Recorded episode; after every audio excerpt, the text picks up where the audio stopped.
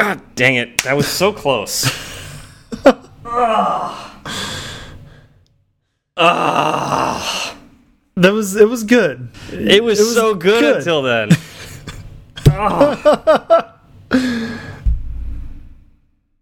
This is where I blanked last time too. Yeah, it was. It was the exact Why same am I blanking right there? All I gotta say is promo code Fireside Swift, hundred dollars off. That's all I gotta say. just just that.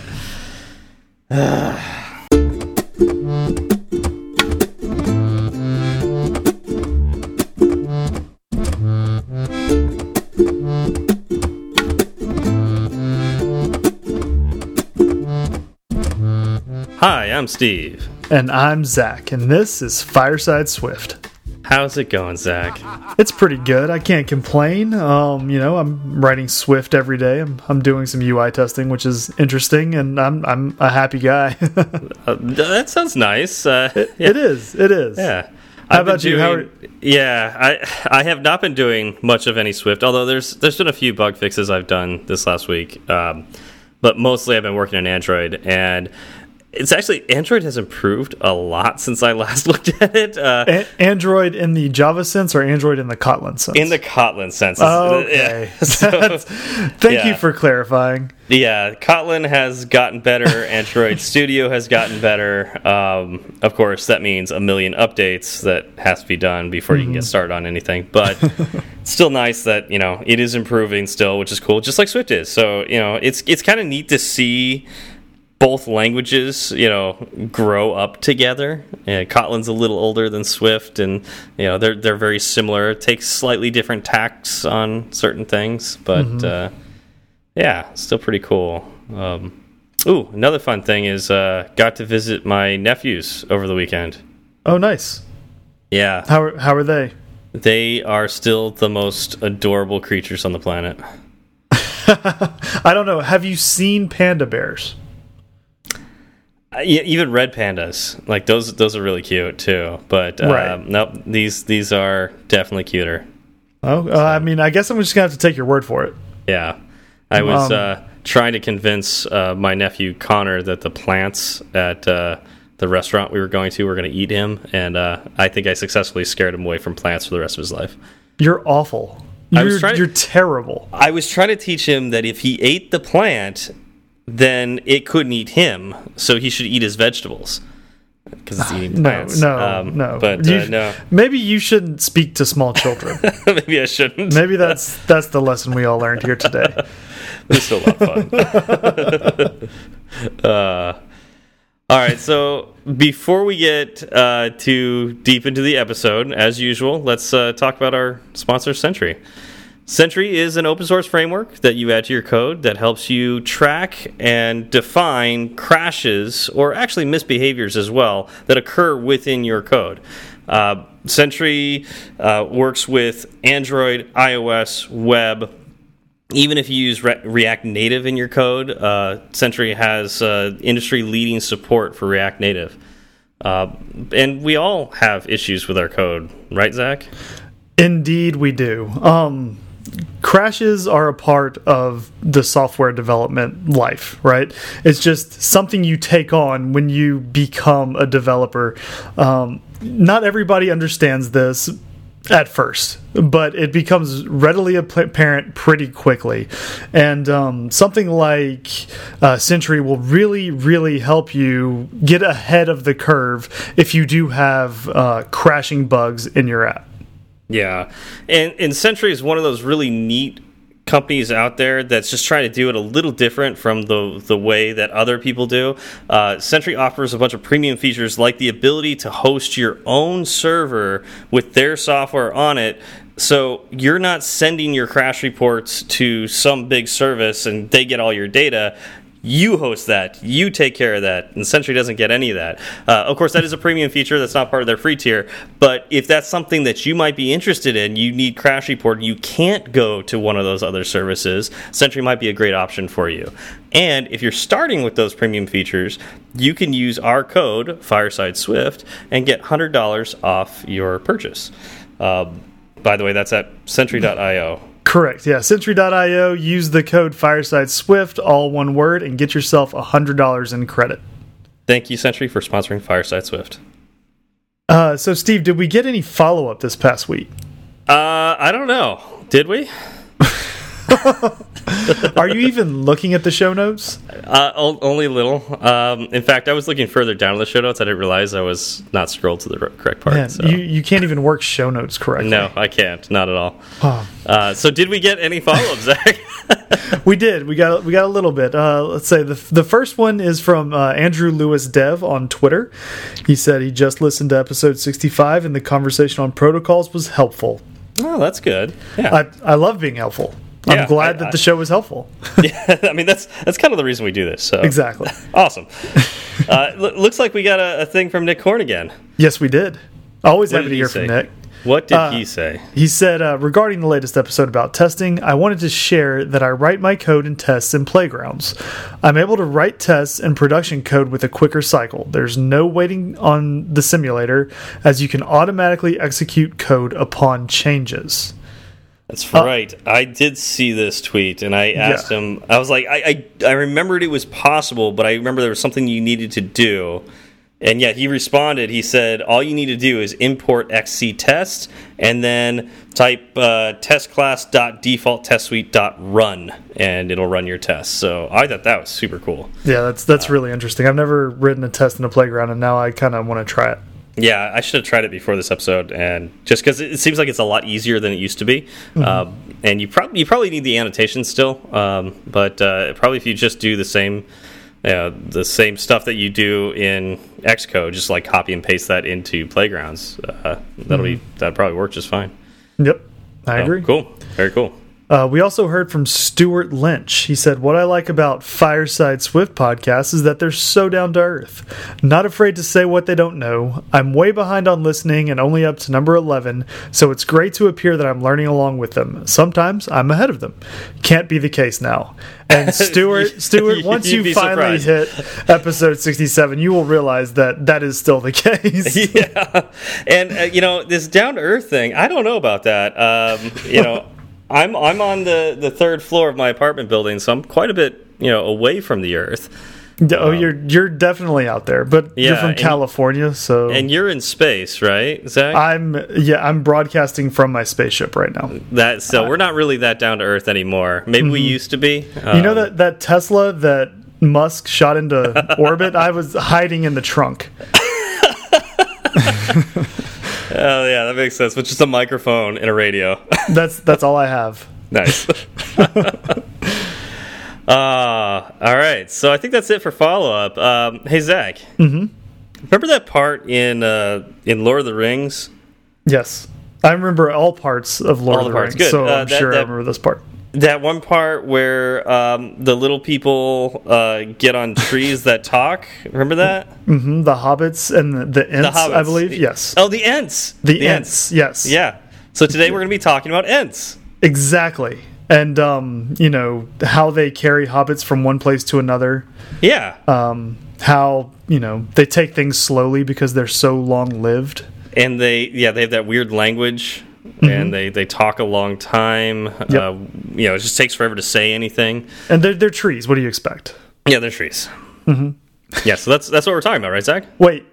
So is that really what you thought we were talking about? Because I, I, thought you meant did all my research on oh wait like ants Wait, like the little, first of all, cr- first of all, the little people stop things? people stop believing you when you say you did your research. that's that's actually the moment it became unbelievable. yeah i was gonna say like uh, I, I didn't watch lord of the rings over the weekend um, i did not uh, and i definitely did not watch the hobbit because that that series of three movies was terrible so Yeah, um, that that was bad. so what you're saying is we're actually talking about ants Yes, actually, Ant Man. Oh, I have seen Ant Man. I have We're gonna stick. We're gonna stick in the uh, theatrical realm. Okay. Before people completely tune out, are we actually talking about either of these things? I mean, we can talk about them, but that's I'm not sure the topic for tonight. No. what is the topic for tonight? It's Ints. I N T S. like like integers, right? Correct. Cool. Correct. I know what those are too. well, we're about to find out, I guess. All right, Zach, what is an int in Swift? So, an int is actually a struct that is defined in the standard library. So, Oh, it's so something. it's- It's not just a primitive like it was in Java or Exactly. C or value type. no, there's there is a lot more to ints than just being a primitive. Hey, I'm a I'm a number. it's not just a value in memory anymore. It's a struct. exactly. Exactly. Interesting. Okay. Um, and something that's interesting about ints in, in Swift is that if you call something an int and your software is running on a 32-bit platform, the int is the same size as int32, which is another type. Uh, but if your software were running on a 64-bit platform, it is the same size as an int64. So that's really interesting that uh, ints in Swift are smart like that uh, because I'm trying to think. I was doing, yeah, I think I was doing programming in Swift.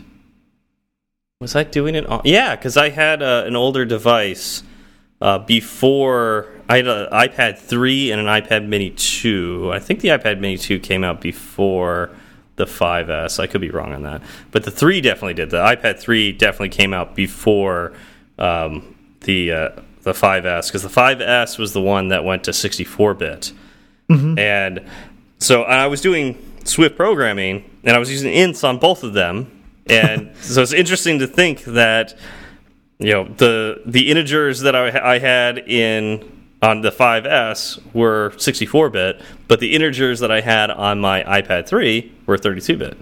Right. And you didn't change your code at all. It's just No, the underlying Swift structure doing that for you.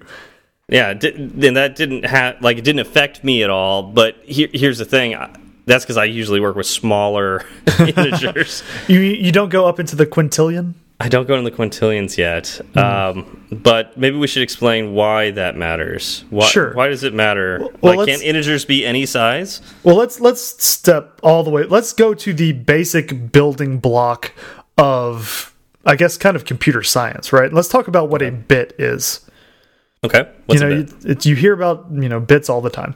Uh, a bit is the smallest unit of binary data on a computer. Um, it can either be a zero or a one, and that is it. Yep. And so, you know, you hear 32 bit, 64 bit. It is 32 or 64 zeros or ones. Yeah, and then if we talk about binary, you can combine those ones and zeros to form numbers. Like, um, so a bunch of zeros and then a one at the end would be well, let's say just a bunch of zeros, zero. Then you you change the you know the leading or the trailing bit depending on how, how you got your you memory it, yeah. organized. Yeah. but let's say it's the trailing bit because that's usually how we write in math. Uh, the trailing bit, uh, you change that to a one. Now you have one. Uh, and if you want two, what you do is you change that one back to a zero, and then you change the next bit over to a one. So it looks like a 10. And so uh, one zero is actually equal to two. Uh, Instead of ten, uh. Exactly. so that's that's why there's the joke. If you've ever seen the the programmer T-shirt joke that says there's only ten types of people in this world, those that understand binary and those that don't. exactly. I love that shirt. It's a great shirt. um, but what's interesting, so like if you have a, a 32 bit number, we're constrained. And what's interesting too is like you really only get to use 31 bits of that because the first bit is reserved as a sign bit. Exactly. It's either, you know, negative or nothing. So, again, zero or one. Zero one. So, uh, so that means we could go from negative. I'm reading this. Is that billion or trillion? billion. Okay, so negative two. 2.1 billion to 2.1 billion. And it's like I'm, I'm rounding. There's a whole bunch of other numbers in there too because it has to be a multiple of two. Um, but uh, yeah so you could actually figure this out if you do like int32.min and int32.max and print those values out in like a playground and you'll be able to see those numbers. And you, you'll actually see that you could go slightly more negative than you could go positive as well, which is kind of interesting because zeros in there and they had to decide whether you go more positive or more negative went Right. more Which negative. which side is that going to be on? Um, Yep. You know, the, kind of the interesting thing is, you know, 32 bit to 64 bit, you don't just double that 2.1 billion. Uh, Okay. A, 60, a 64 bit Yeah. number is anything between negative 9.2 quintillion and positive 9.2 quintillion. Yeah. It's Well, not. you- it's you- not 4.2 billion. Yeah, inter- yeah, because that'd be a 33 bit number. right, and that's and that's what I'm saying is like you know you look at it if you say okay if you go from 32 bits to 64 bits, well that's 32 is you know half of 64. That's not how this works. Yeah, like I could almost see like going over the bounds in uh, the billions. Like that's possible, right? Right. Like we have we have you know people in our country that earn you know this kind of money. Right, yeah, Like, you know, exactly. And then we got like obviously if you're trying to represent like the Treasury, U.S. Treasury or something like that, like you're talking the trillions. So these numbers gotta- don't cut it. we got to get ourselves a 32 bit paycheck. Is that what you're saying? Yeah, that's that's that's what I'm aiming for. Uh, yeah, that's uh, Fireside Swift's going to take us all the way there. I love Um, it. Let's do it. That should be all of everybody's goals. Just get a 32 bit paycheck. Anyways, um, but when you go to 64 bit, I would prefer a 64 bit paycheck. Um, I mean, if you if you can get it, it's not bad. yeah, uh, I didn't even know quintillion was a word. Um, Oh, Google it. It's a word. okay, so It- it- you can. I think the next one is uh, maybe hex or hept. Yeah, okay. Illion, hexillion. I think it's hexillion, then heptillion, because you know, like five, six, seven. How many is this? 10, 10 to the power what? How many is Ten to the One. power of a lot. 1, 2, 3, 4, 5, 6, 7, 8, 9, 10, 11, 12, 13, 14, 15, 18. Eighteen. Yeah. All right. Wait, 18 or 19? Am I counting that right? 18. 18 zeros. Right. It's a lot. Um, It's a large number. yeah. So while I could see it's possible to overflow in 32 bit land, it seems a little harder to overflow in 64 bit land. Although I will say, I was doing a thing in uh, Codewars the other day, and um, you know, I mentioned I, I try to do those uh, those little challenges every day. Um, and there was an equation where I went way past this number. Whoa. Um, yeah, so I'm not sure which test did it because I I passed the example tests and then when I was doing like the final actual tests, it failed. Um, so keep that in mind, folks. That uh, you do have limits here. Integers can't be can't be infinite on either side. Um, Right. they get pretty big, but it is possible to to go outside the the bounds here.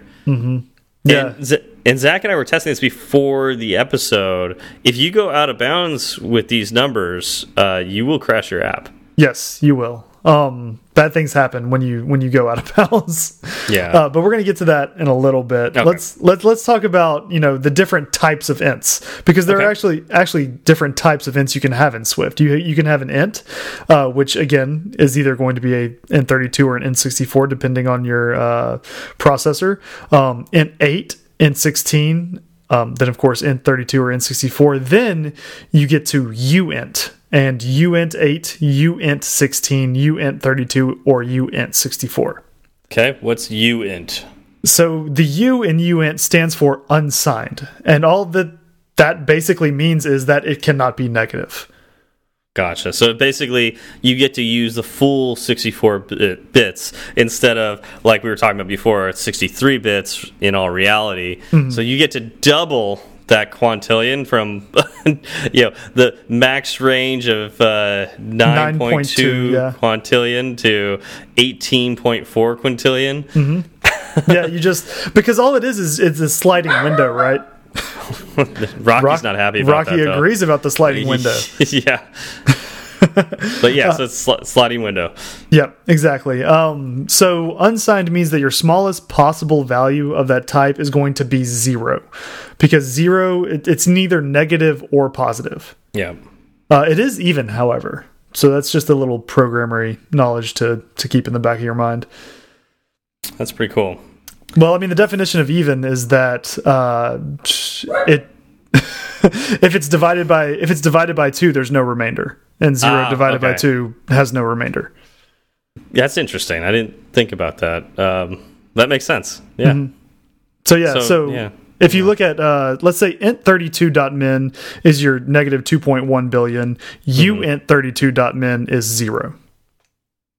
Yep, that makes sense. Mhm.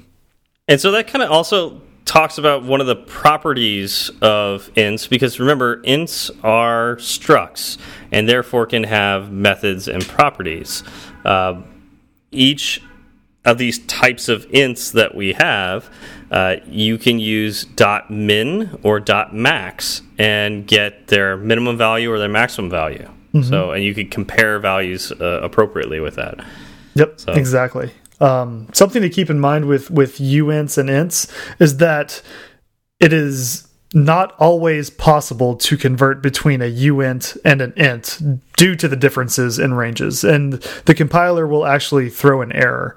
Um, yeah, it's like you can't even you cannot convert a negative integer into a uint because it, it, it has the negative value to it, right? Correct. Correct. Yeah, and that's that's just not representable with a uint.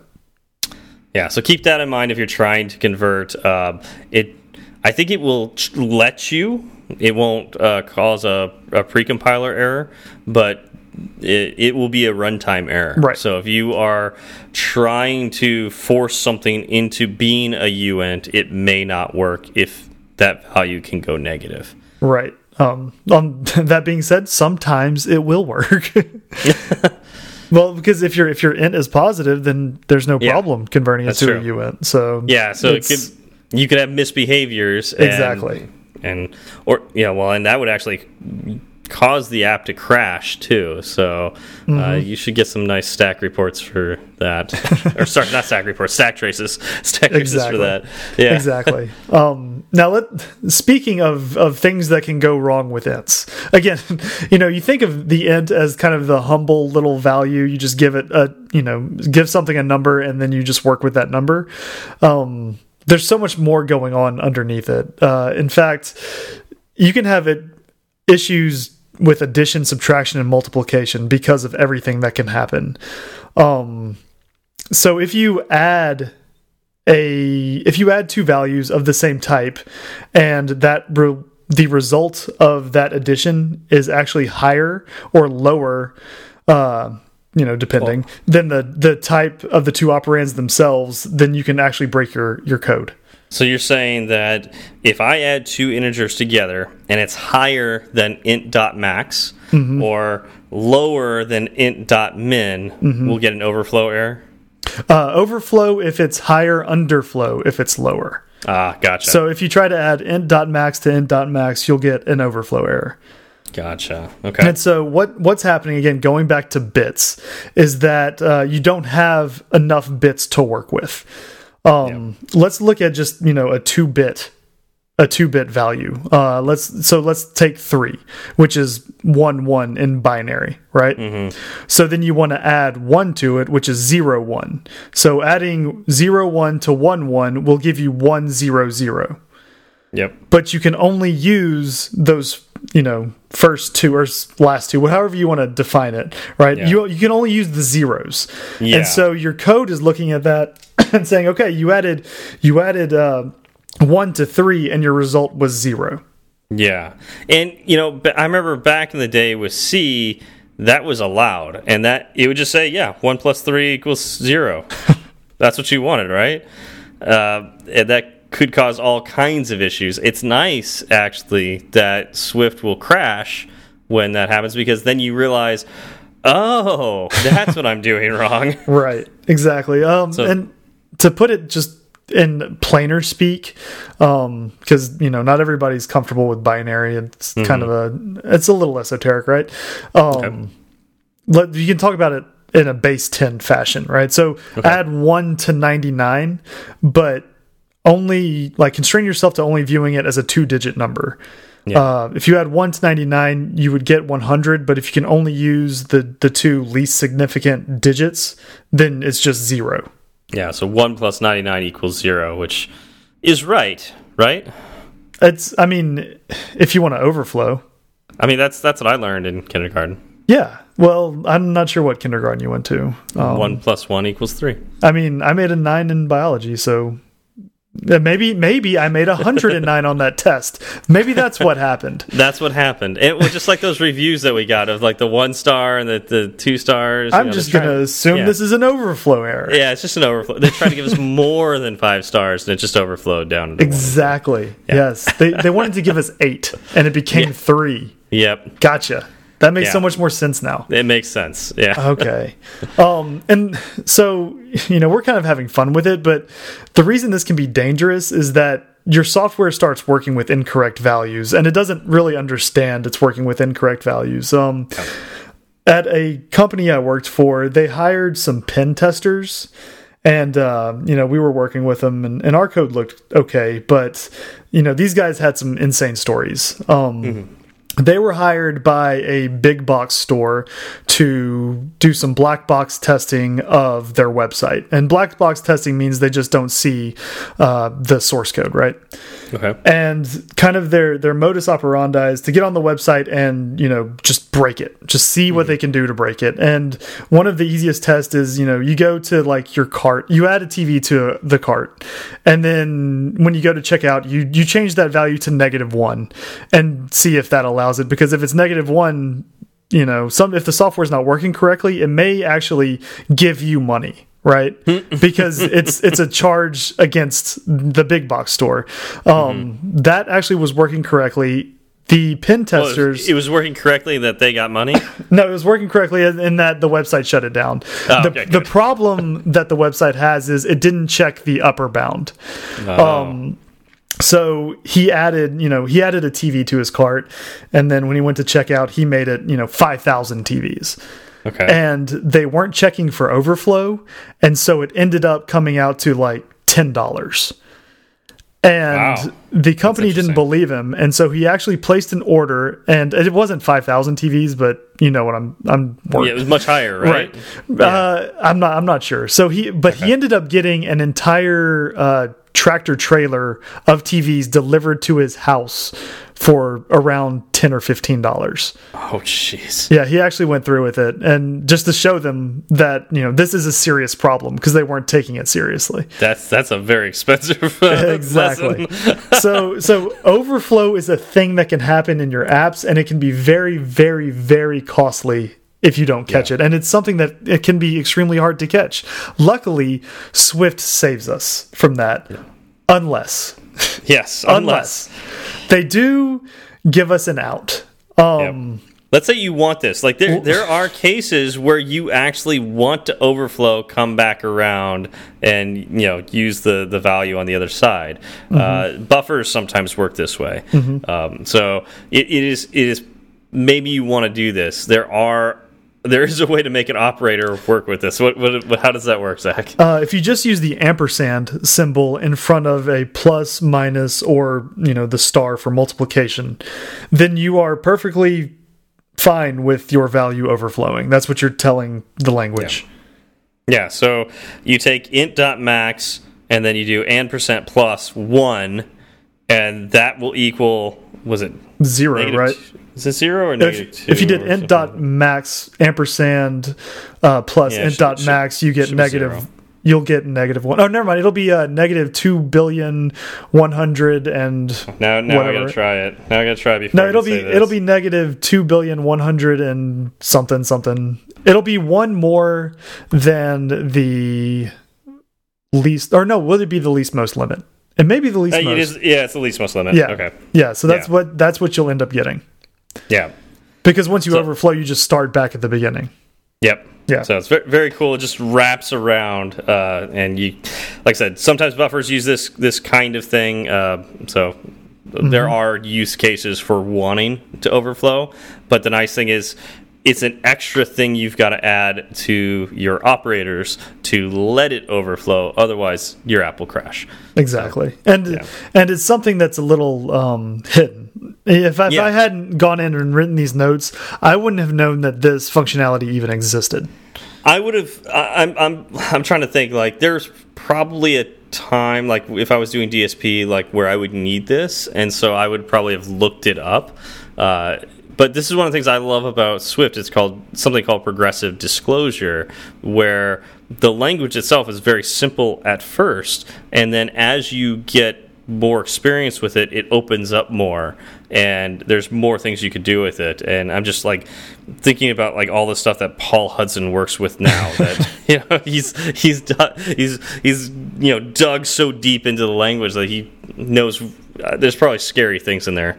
There be there be dragons somewhere in there. Right. Um, yeah. I'm sure. I'm sure he's seen some stuff. Um, some, yeah. so, uh -huh. in, in, you know, outside of addition, subtraction, and multiplication, you can get some weird behavior with division as well. Well, I don't think it's weird. I think okay, so well, it's just it's, different. It's it's, uh, it's weird when you approach Swift as your first language. Yeah, and, and you don't come from a mathematical background. Yeah. Well, I'd say even if you're not coming from math background, background, this might be confusing to you. But so with integers, plus, minus, multiply all work like you did in grade school. Like mm -hmm. nothing's different with there. You take two apples, you add three apples, you get five apples. You take two apples, you subtract three apples, you have negative one apples. No, you don't take, take two, my apples. you have two apples, you multiply three apples, you have six apples. Oh, so like, much better. So all that works, right? Division works a little different. so, uh, for instance, uh, if you do uh, integer uh, division, so 5 divided by 3, you'll get 1. Not 1 point something, you get 1. Why is that, Zach?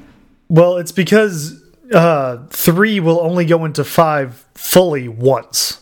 Yeah. And so, so what you're asking, and, and again, you're working with integers, and so the uh, division function, it returns an integer. And Must one, integer. yeah, exactly. So one point whatever is not an integer; it's a double or a float or what have you. Um, and so five divided by three gives you one because three goes into five exactly one time. Yep. Right. Okay. So, but we know there's a remainder there. How do we get that remainder? Uh, so this is where you get into modulo math. Modulo. right. I love and, that name, modulo. I know, right? It's it's like the Modelo, the beer, right? Yeah. That's uh, so and and you you access this by the percentage sign. So uh, five slash three would be your five divided by three would give you one. Five percentage three would give you your your remainder of two. Yeah. Because when you divide five by three, it equals one remainder two. If you think back to like grade school, uh, I don't know if you did this too, Zach, but in grade school, remember that weird like uh, the way we would do division? It was um, kind of like a printed like a you would write the three and then you would do like kind of a parenthesis thing with a line over it and then. Mm -hmm. Yeah, uh, the five underneath it. You know what I'm yep. talking about? Yep, I know uh, exactly what you. Yeah, just some and long then, division. Yeah, yeah. And then yeah. you would you would go well. Five, uh, three goes into five one time, so you write a one over the five. Yep. And then we're not going to go into the point anything. We just do r and then two. exactly, because five minus three is two. Yeah, and so the modulo gives you that that remainder. Uh, this is really powerful when you combine all of this. Um, so I will oftentimes take advantage of integer math, uh, particularly with division, for lots of different things. Uh, the the example that comes to mind right now is the classic problem of giving change to somebody.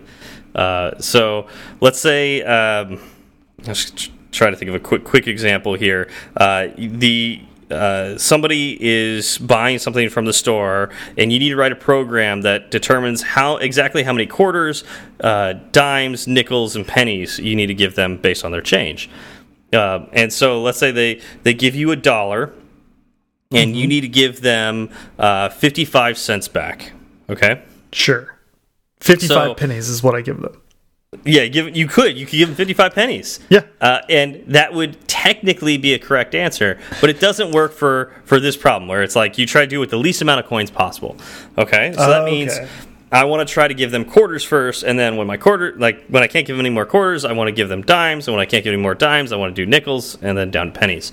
Uh, and so, the first thing I would do is go, okay, well, a quarter is worth twenty five pennies. So what I'm going to do is take the 55, the total amount that I'm trying to get to.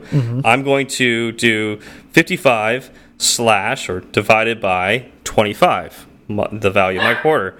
Jeez, Rocky is really barking now. um, so 55 divided by 25 is equal to 2. Okay, so that means I got to set aside two quarters. Great. How much remains?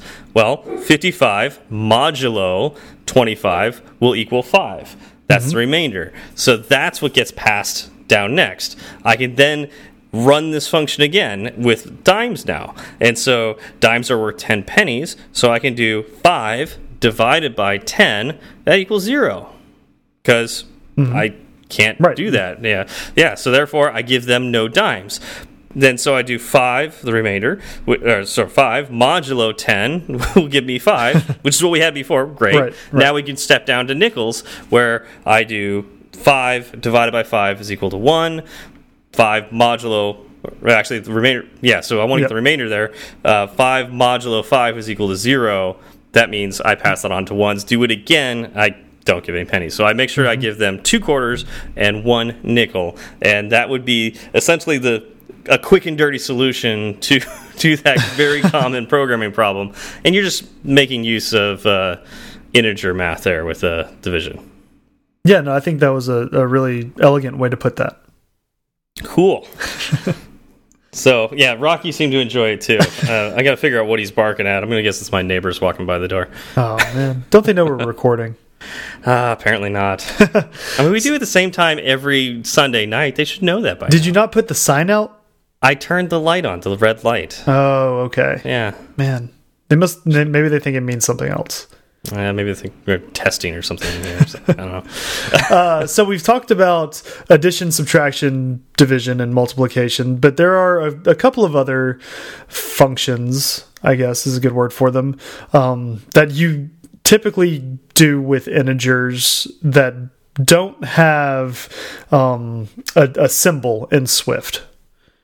Okay. and these would be um, you know working with exponents and you know determining the absolute value Yeah, because we we have symbols for that in like algebra, um, and you know even when we type it in like a calculator, we have like the little caret sign and all that for uh, power. Um, how do we do that in Swift? so if you're working with exponents in swift there's actually a function it's pow and then you give Like it a super, it's like a superhero. yes Ow. pow uh, then you know open parens you give the number comma the power and then close parens Yeah. So if you wanted to, uh, let's use our five and three example. We wanted to do five to the power of 3 It's pow five comma three. Yep, exactly.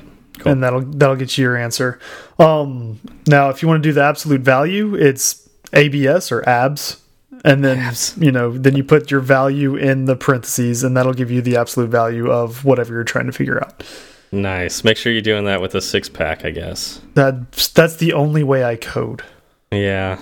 All right. So moving on. Um, one of the other really interesting things you could do with ints in Swift is randomization. Uh, this used to be uh, well. I mean, randomization is is pretty complicated in uh, computer science, right? Right. It's it's a it's a hard problem to solve, and in fact, I don't think it's ever been solved. I think there's the the problem is there's no I guess such thing as true randomness, right? There's Yeah. there's no definition of what randomness is. Um, I- one, two, three, four, five is random. Yeah, I remember um, in, one of my programming classes, the professor said you could write a, a a function that said, you know, random or give me a random number or whatever you want to call the function, and it returns three every time. Yeah, Can't prove can't prove it's not random. exactly. and so, you know, we because it's so um, wiggly. Let's call it wiggly. Okay. uh, it, it's just hard to understand. And if it's hard to understand, it's hard to define. And if you can't define it, it's really hard to tell a computer what it means or what it is. Um, and so the way we get around that is we have what is called pseudo randomness. okay. And what, how I've had it explained to me is, you know, think of a giant book. And this book is filled with these pseudo random numbers. So it's just numbers that someone chose, you know, from their definition of randomness and put into this book. Mm -hmm. Um, and so when you ask, you know, when you write code to get a random number, what you're doing is you're opening that book, you're and you're, you know, starting at a point somewhere in that book. And then you just move on from where you started and you get quote unquote random numbers. Interesting. Yeah, yeah, and I, I know like one of the interesting things about random numbers is uh, seeding and clock times, mm -hmm. and like there, you know, you could actually. I don't know if you you could probably still seed right now with the current random uh, functions, right? Uh, uh, possibly, I'm I'm not totally sure. Yeah, but like that's how like video games work a lot. Is like I used to play Minecraft a lot, and you could actually it would provide you the mm -hmm. seed for yeah. the random number yes. they use to generate that world. And if you ever want to go back to that world, you just but like start brand new, you can copy that seed number, your seed value, mm -hmm. and put that in the next time you run the game, and voila, you're on that world again, which is kind of neat. Yep, exactly. Um, and you're you're right. Typically, you use something like a system time or something mm -hmm. that's system based like the time. Yeah, um, something that you know changes every time you run because right you, because you, know, you want it to be changes. random, right? Yeah, yeah. exactly. Um, now this is something that's actually so randomness isn't new in Swift, but the way randomness is handled is uh, new as of well, Swift 4.2. I was gonna say yeah, because Swift uh, you would use something called arc4 random before, right? Um, I, do you know what arc4 stands for? It's I, probably something to do I with the the algorithm to generate that random number. Probably. Uh, yeah, if any if any of you know what arc4 used to stand for, it'd be cool to know. But um, yeah. Right. So so what that was, you know, pre 4.2. So now we have a static function that's just random in and then you provide a range and then you get an int out of that function. Yeah. Which is really, really nice because if you wanted to work with random numbers before and arc4 random, um, then if you wanted to get your number in a certain range, then you had to do a lot of, you know, modulo math. Yeah. To, and then maybe, you know, add or subtract to get it in a, a specific place. Yep. Yeah. Because I, I, I don't remember exactly what arc4 random would return if it was a decimal number like a double or something like that. Um, I think but, it. I think uh, it was an int, but you know, it would. It, there was no bound on what that int could be.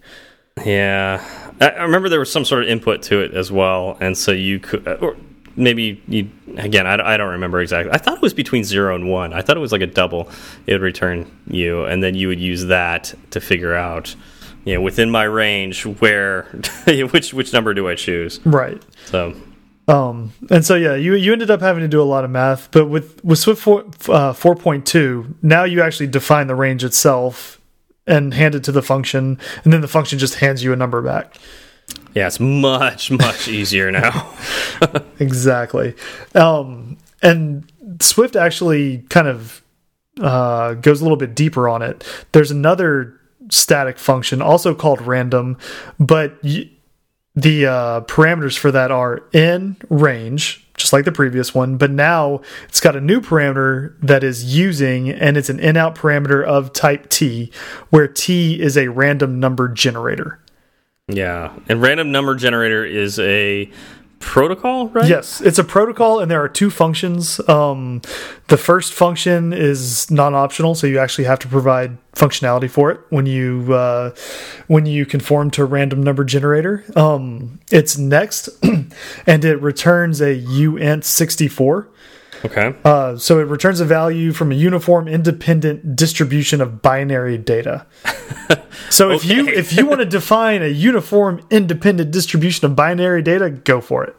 Well, yeah, and I think this solves the problem where if you're not happy with the way the the Swift standard library gives you random numbers, and and like we said before, it's not truly random. It's definitely pseudo random, and it might not be the kind of pseudo random you need for the kind of thing you're doing. So, depending on if you're working in like a scientific field and you need a very specific kind of random number, or uh, you're in game development. Game development has a whole bunch of different kinds of random numbers.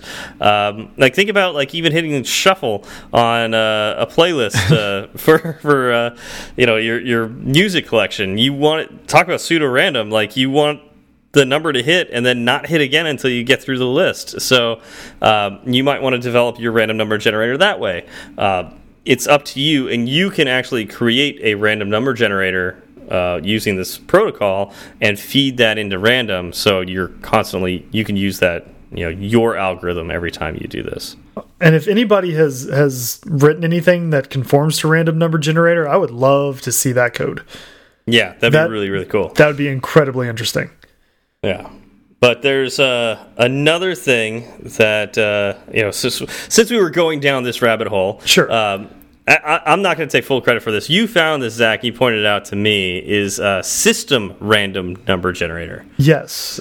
So what is system random number generator? So I believe uh, that system random number generator is kind of the the default random number generator that is used when nothing when you don't define it yourself. Yeah, and if you if you type it in like Xcode and like Alt uh, or sorry, Alt Option click on that that value. Um, you know click on it in the, in your code it'll actually say yeah this is the default uh, number generator used in uh, in you know in Xcode. Yep. You know, so or, if, well, in Swift. So if you want to see how I guess Swift derives its random numbers, check out system random number generator. Yeah, actually, the summary says the system's default source of random data. So that's that's pretty straightforward right there. Yeah. Uh, so if you just use random, you're using the system random number generator. And yep. uh, yeah, if you're curious about that, uh, yeah, there you go. Dive more into that. I think that's as far as we're going to go on that. yeah, yeah. No, I'm, I'm, not. I'm not getting any closer to that. Yeah. All right. There's a couple other interesting functions that ints have. Well, there's um, a lot. There's a oh. ton of functions that int has. Then we do not have anywhere that's near enough point. time to cover them all. Yes, absolutely. Um, like you could even get into like whether it's big endian or little endian, um, mm -hmm. and other things like that that you probably don't. You know, you want you want to stay away from. You know, at least you know hundred feet from. Right. There's there's a um, reason that stuff didn't show up in the notes, Steve. Yeah, but there's there's a few that you might use, right? Uh, like Signum. Uh, yes. Signum will provide the the sign of mm -hmm. a number or of an integer for this case. Right. Um, it'll be neg it, it'll return negative one if the number is negative. It'll return one if the number is positive, or zero if it's zero. So mm -hmm. that could be value for you know valuable for you if you're just curious if something is uh, negative or positive or zero. Uh, so now you could you could use that. Mm -hmm. uh, what else is there, Zach? Uh, so another interesting function is negate, and this just negates the value. Um, so if you had a value of two and you call negate on it, you'll get negative 2. If you had a value of negative 2 and you call negate on it, you get positive 2.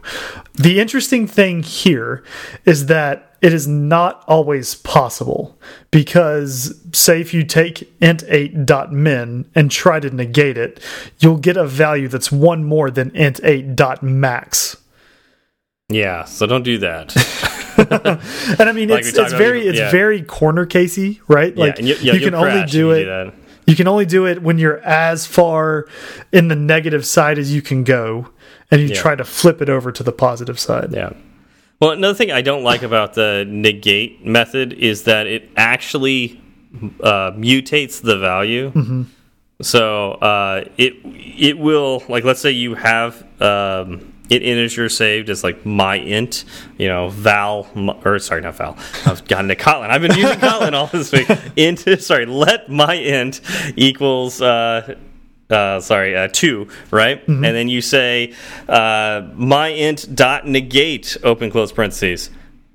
You can't do that because you're using a constant. You have to make that a var mm -hmm. because you're actually changing your variable. Yep. I don't like that. And and something else to keep in mind is negate doesn't exist for any of the unsigned integer types. Oh yeah, that makes sense. because they can only be zero or positive. Yeah. Yeah.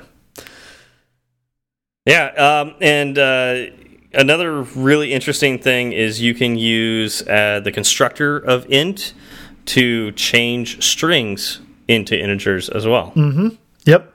This is something that it doesn't come up, come up too often, but when it does come up, um, this is a really nice feature to have. Uh, Yeah. So yeah, if you just did int and then passed in, say, the string of 4, 5, 45, right? Like the number 4 and the number 5, uh, Yep. you get an actual int back out of that.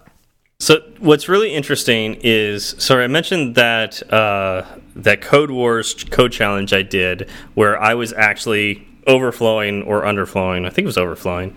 Uh, yeah, because they're all UNs, so I was I was overflowing, which is really spectacular when you think about that. Um, but but um, what, what's interesting about that was uh, I, I was trying to find a mathematical way of solving this this problem, and um, long story short, I was obviously getting numbers that were way too big to get them down to what I needed to do, you know, what I needed to work with.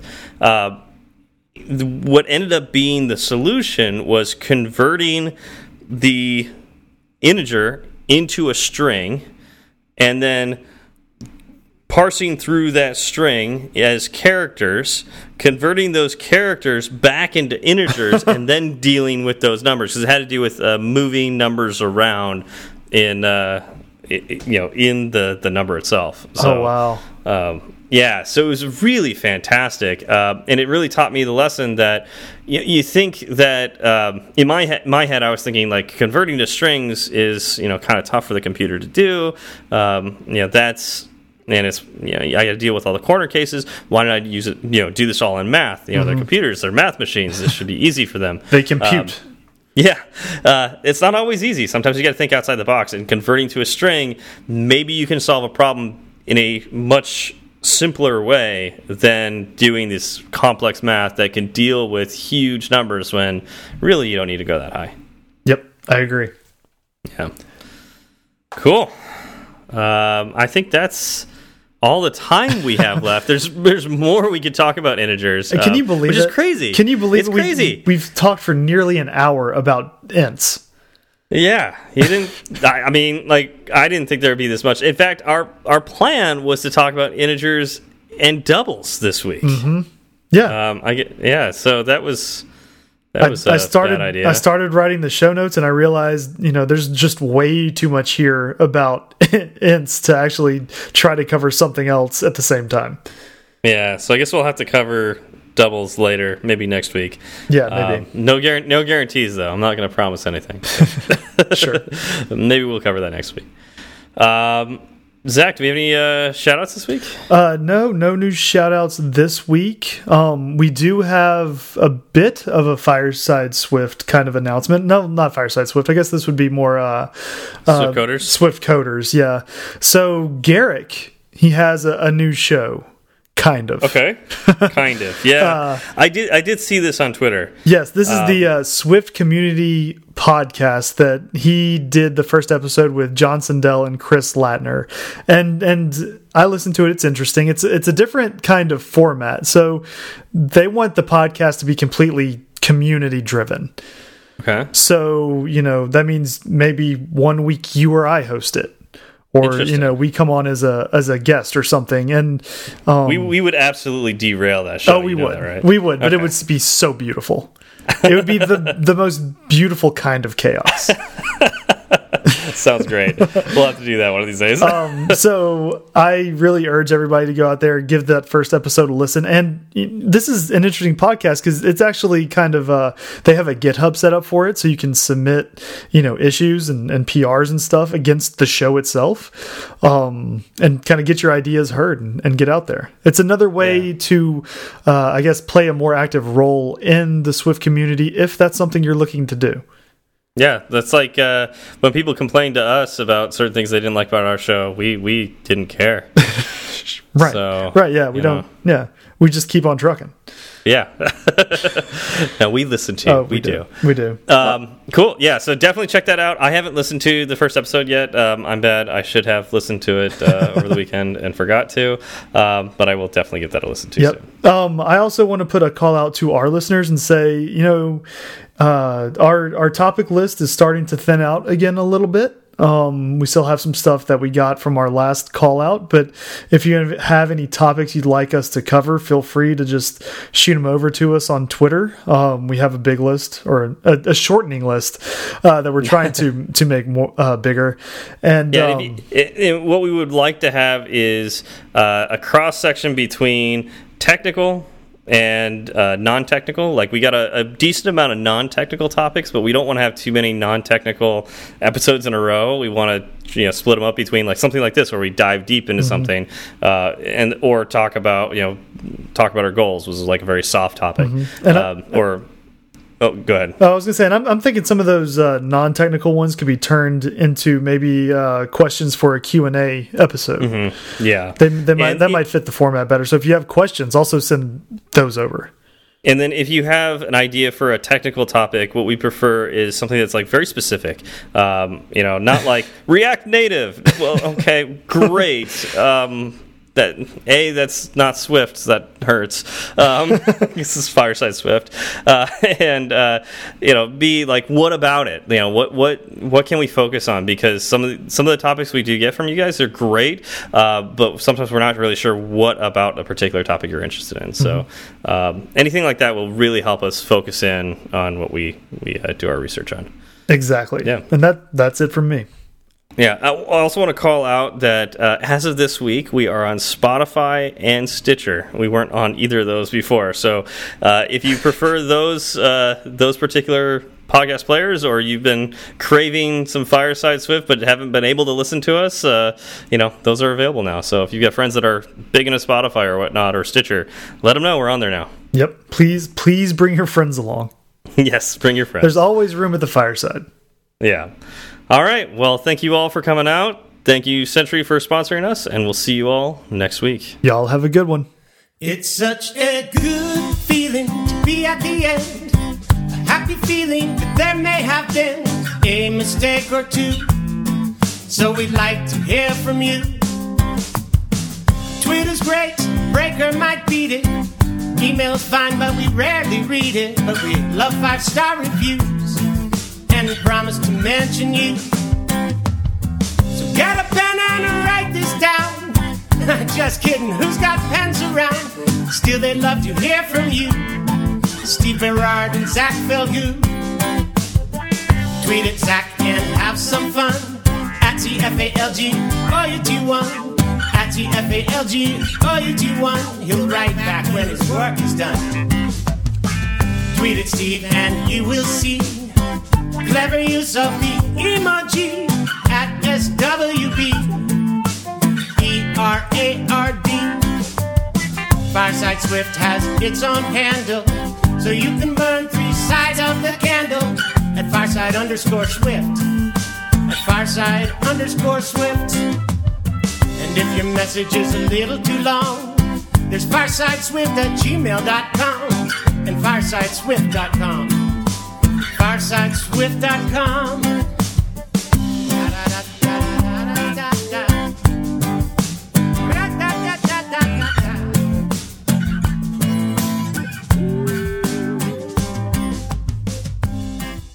Did you ever play Magic the Gathering? Yes, yes, I have played Magic the Gathering.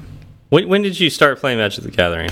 I played, I guess, when I was probably around 17, 16, 17.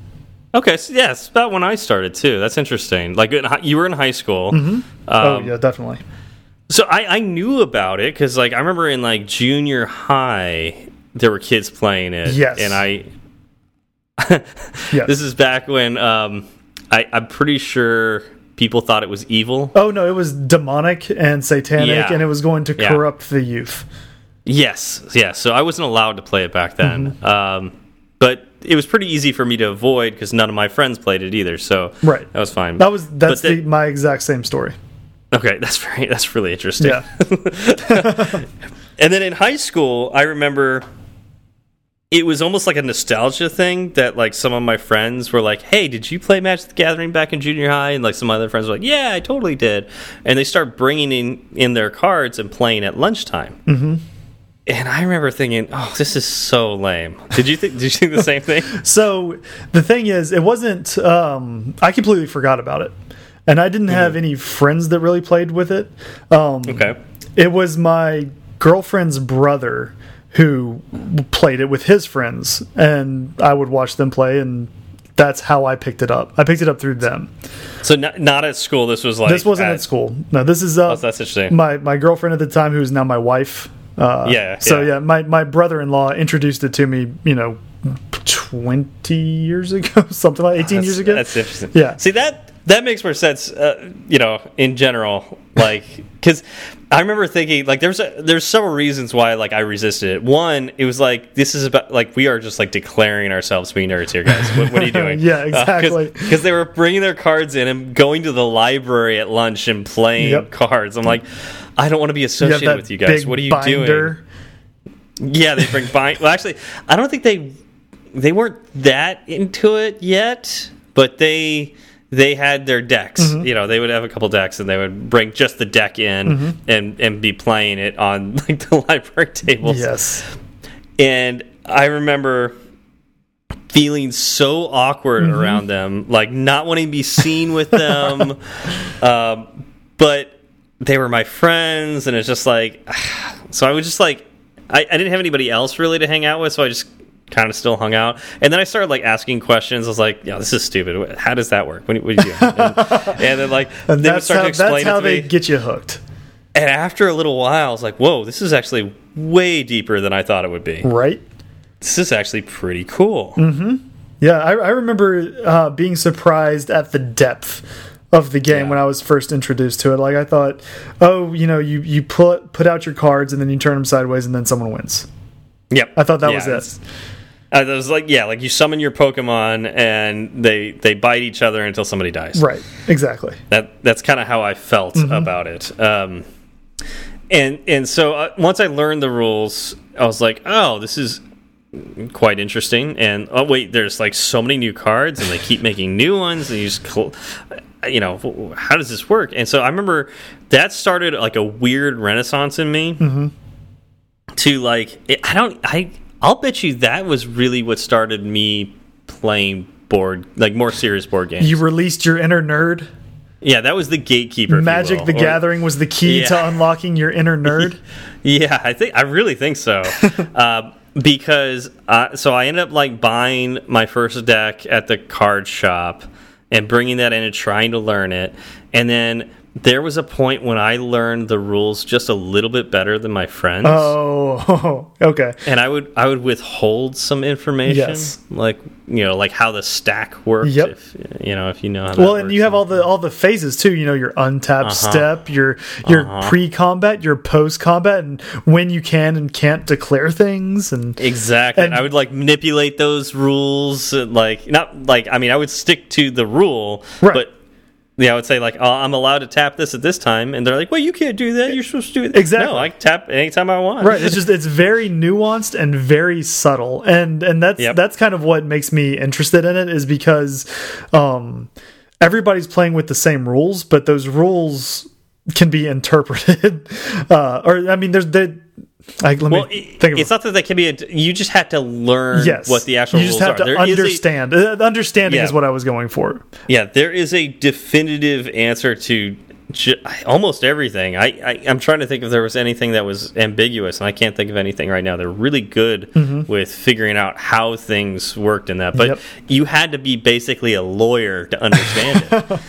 Um, and so, like, none of my friends were willing to do that work, but I was. Right. and, and especially like that summer I was uh, working as an intern I had a lot of free time and I had access to the internet. So I would just like browse the forums for weird rule issues and just looking for an edge. And so you know when I'd play my friends I'd be like hey check this out. I do this weird thing. They're like you can't do that. I pointed into the rules. And like yeah I can. And they're like ah! Yeah. and so I Exactly. would, like, I would kick their butts uh, By until the they way, I win. yeah, exactly. Until they they eventually learned how to you know use my rules against me, and then it got a little more competitive, which was cool. I liked that. Right. Um, but uh, eventually, like Magic got a they like introduced like so many new cards that the cards I used to have were relatively useless, worth you know worth not useless but worthless. Um, and they added like new, even rarer things. Yeah. And I, I don't know. It's just the the game changed to a point when I didn't recognize it anymore, and I didn't want to recognize it anymore. So, Right. um, got out of it. So you walked away from it. So I walked away from it. I'm I'm I'm glad I did because that's a super expensive hobby, and Yes, it is. Um, takes up a lot of space too. um, but uh, anyways, it- it's still like there's a nostalgia factor with that. But there are still deck building games out there that are just as fun, but completely fair. Like I, that's one of the problems I have with Magic. It's it's not fair. Like there's nothing fair about it. I thought it was when I first started playing, Mm-hmm. but once I really got into the hobby, I realized it's about spending lots and lots of money. Yeah, and that's about it. yeah, it's it's and that's when they introduce the new rarities is when things can kind of get crazy. Where you're like, I'm already because some cards could cost twenty dollars a piece, and then you need four of them in your Yep. deck, and it's I don't have four hundred dollars to spend on this thing. That's Yeah. purely you know uh, just Oh, for yeah. for free time. Yeah, people spend thousands of dollars on a single deck that will work in tournaments, but only for like a year. Right, exactly. there's a window of time that it works. Well, wait. and then is this how you were? anymore. Is this how you were groomed for the Apple Watch? Is this Oh, why you buy a new Apple Watch every year? maybe? I mean, I hear Uh, you on one hand saying you don't want to spend that much money every year to replace something, And yet, and, I, then yet I still do. and you spend that much money every year to replace something. Yeah, yeah, uh, maybe. But I, I do, I don't, I really don't like that aspect of Magic the Gathering, Mm-hmm. um, and I and I don't like that it's unfair. Like you know, if you spend more money than me, it sucks. So like, Right. um, I I like games that at least set you out. Um, everybody's on an even keel. Have you heard of the game Dominion? I have, I have, I haven't played it. Sounds before. like you haven't played it. Okay, so I had played it before. Uh, my old roommate used to have it, and we would play it. And basically, you start with, uh, and I, I recently purchased it for myself, um, just just to have a, a game to play with my family over the holidays. And you start out with um, money cards, like so. You get seven money cards and uh, three victory point cards. We'll say that. The victory point cards do nothing. They are literally worthless in your deck. So that's your deck. You start out with s- 10 cards. And so three of them are completely useless. The other seven you can use to buy new cards. And so the game gives you a whole bunch of different cards, and you put all the piles out, and then everybody on their turn decides whether they want to buy a card and then do the stuff that's on their cards.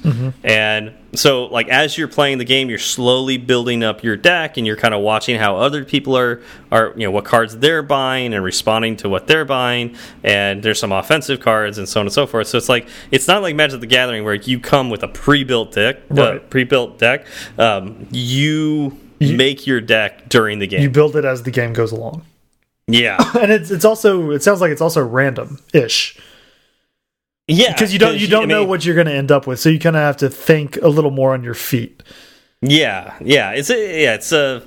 uh, yeah, I think Because- that's the best way to describe it. yeah, because it's very much uh, thinking on the fly. Because that's the other thing with Magic is you go in and you say, okay, well, I know what is in my 60 card deck, and I know how to play that, and you understand, you know, okay, your opponent plays out a certain number of cards, and you know what that is most likely in their deck, and so you Yeah. kind of already know how you want to play.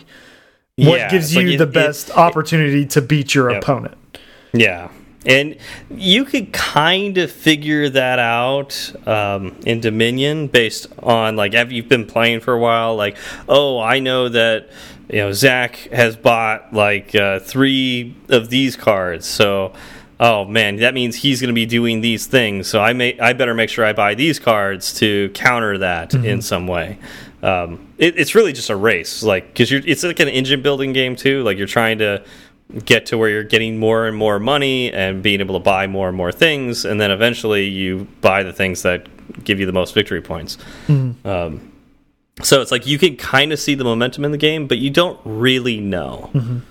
So and it's at, at the end is when you you look at your entire deck and you count how many victory point cards you have, and that's how you know who won.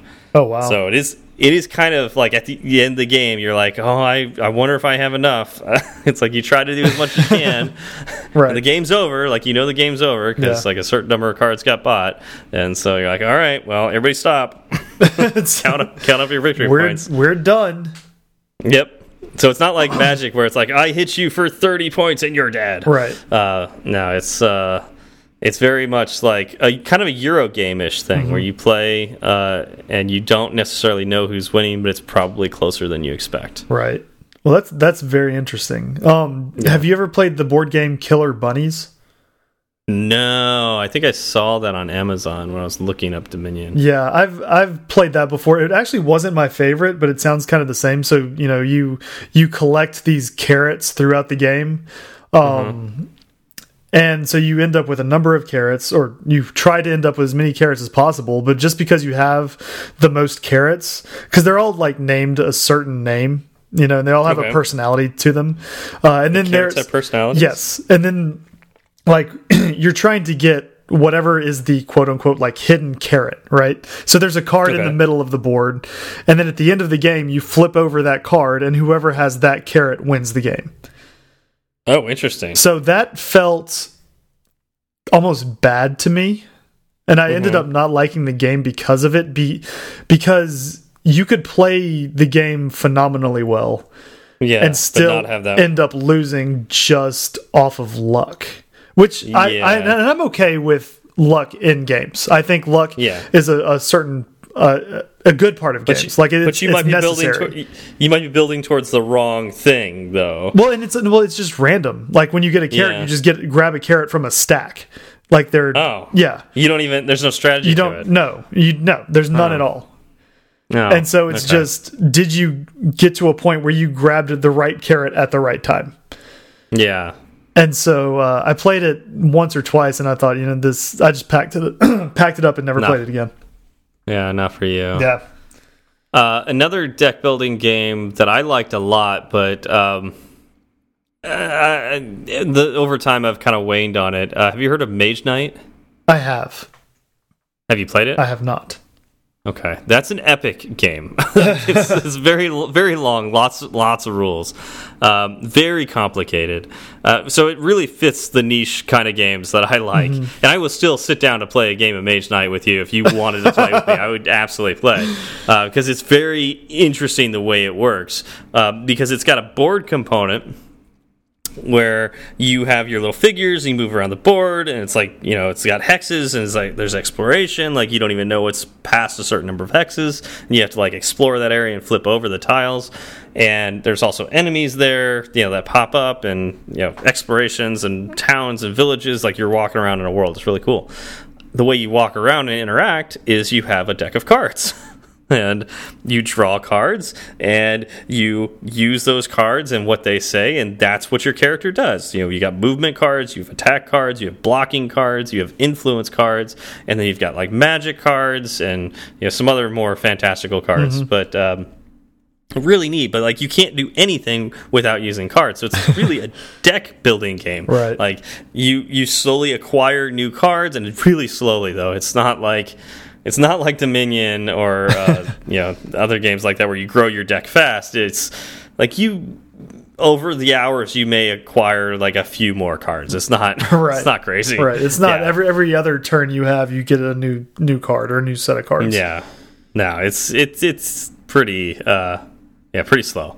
Um but uh, it's it's still really it's a fun game. I like that game a lot. Um but uh, like I said, uh, you don't acquire too many cards too too fast. Gloomhaven's kind of deck building because uh, I- when we talked about it, like it it's got cards, and that's uh, you know generally how you do things. You know, not just generally, that is how you do things. You play two cards, and that's what you do for that turn. Yeah.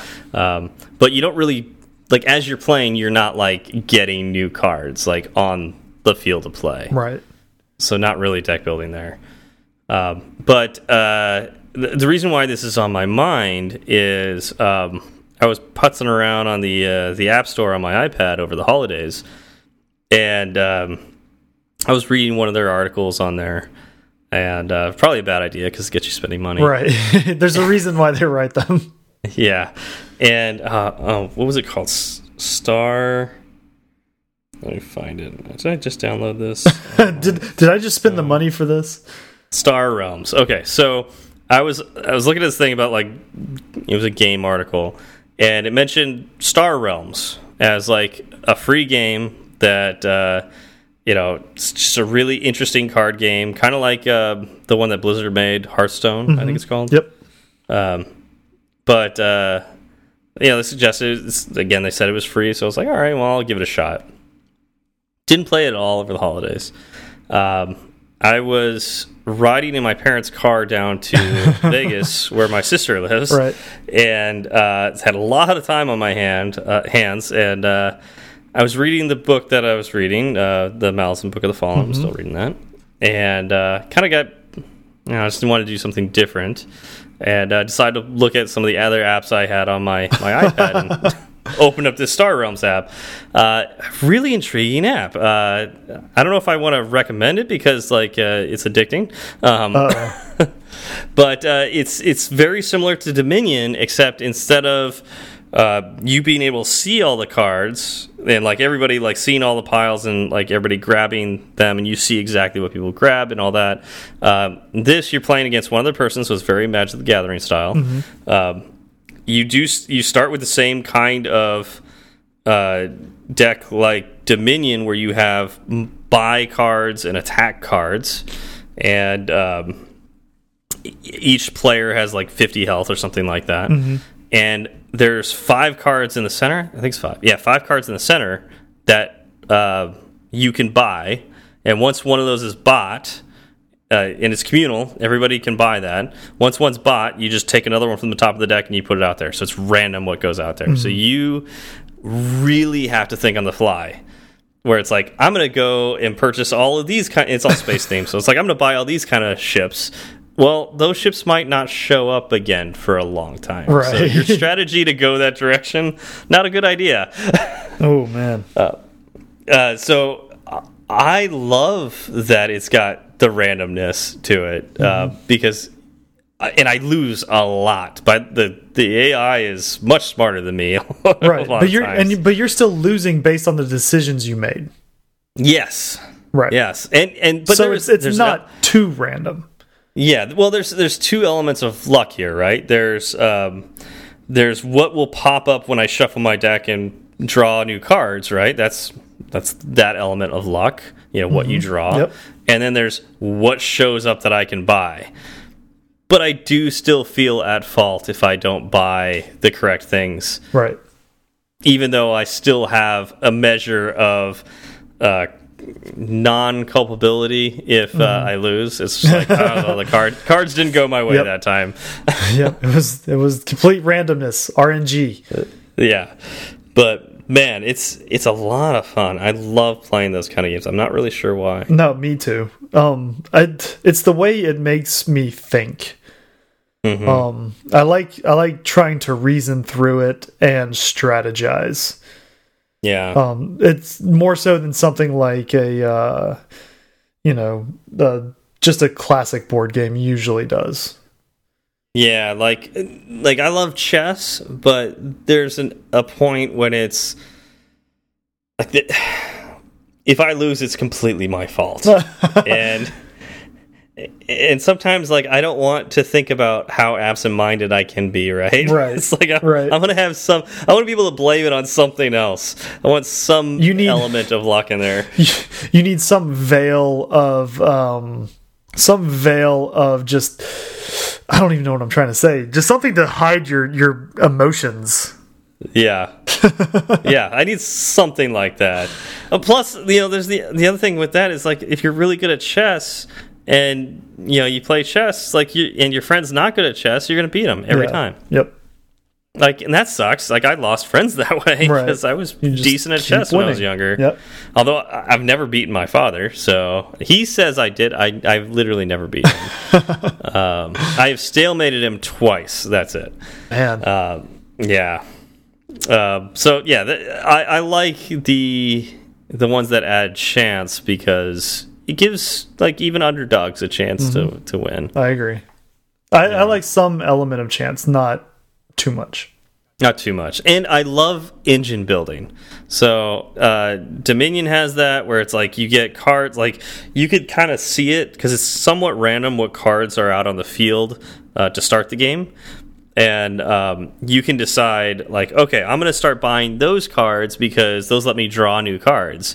And so, and then if I get this one, that gives me more money and I can buy more stuff. And so it's like you start you start thinking about these chains that you can do, and then it's really cool when those like at first those won't work at all in your deck. Like it doesn't do anything. It's like oh, I draw a new card, and oh, it's it's one of those victory point cards. I can't do anything. Right. Awesome. Right. Uh, but after you saturate your deck with all these other, you know, engine working cards, after a while you're like, every turn you're like drawing 10 cards and like doing something like uh like my mom was like she she walked in like i was teaching my dad how to play and we had like we got halfway through a game and uh, I was like trying to explain. It's actually pretty simple. You can only do these few things on your turn, and then on my turn, I'm like taking, I'm like, like drawing ten cards. Like this gives me another turn, and I draw Yeah. this. And Yeah, this well, now I have this, so I get two extra actions on my turn. I'm going to use one of Yep. those to do this, and another one to do this, which is going to in turn give me.